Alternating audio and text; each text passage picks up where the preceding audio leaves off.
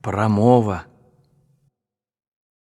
Гэй, хлопцы, братья мае, сыны зямлі беларускай, которая раскінулася ад гродны да месца смаленскага і ад прыпеці аж да другі бок ракі дзвіны перакінулася.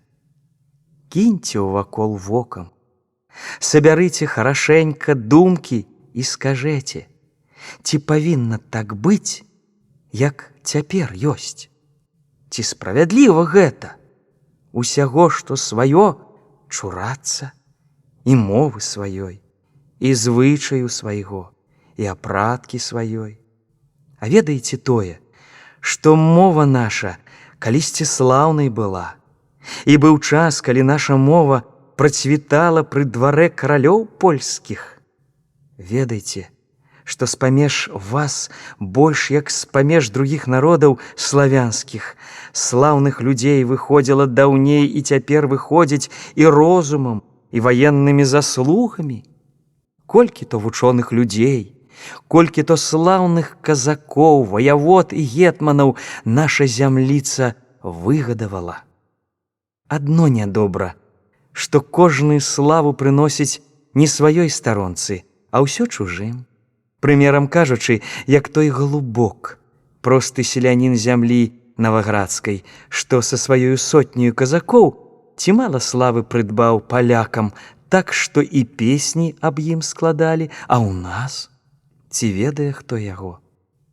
І бяру я гэта ўсё на розум, і здаецца мне, што хутка са ўсім загіне наш народ бо яшчэ за гадоў 300 таму як паны так і халопы свае мовы не сароміліся і гаварылі і пісалі ўсё по-свойму потым мала-памалу паны сталі сваіх звычаяў чурацца сталі свае парадкі і мову сваю пакідаці ды польскую пераймаці і так што далей болей аж са ўсім палякамі сталі На паноў гледзячы пачалі і сяляне апратку сваю мяняць на нямецкую і мову калечыць, нават сваіх спяванак пачынаюць саромяцца, мужыцкімі называюць. Але не, наш народ не загіне, а прыйдзе такая часіна, што прачнецца наш народ і скажа суседзям так: служылі мы вам, заплаціце вы нам. Нам грошай не трэба, бо свайго хопіць хлеба. А скажэце нам толькі, беларусы вы. Вось толькі.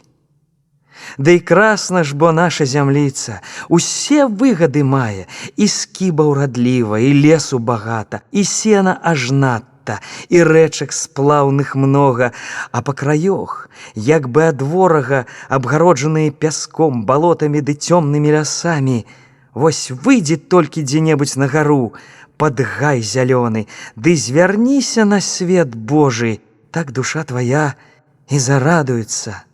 Бач, уніз ад рэчкі гара зараснікам пакрытая, уся рэшнікам, чаромхай, каліннікам, ды маліннікам зарасла. А чаромха то цвіце, не іначай, што пухам лебяжам укрыў, і пах завёрсты ветрам нясе а рэчка сама, моў стужка блакітная між верб дальшын ветрам раскінутая. А за рэчкай лука аж зіхаціць кветкамі, а далей за лукай поля зелянее, а ўвакол усяго цёмны лес сінее.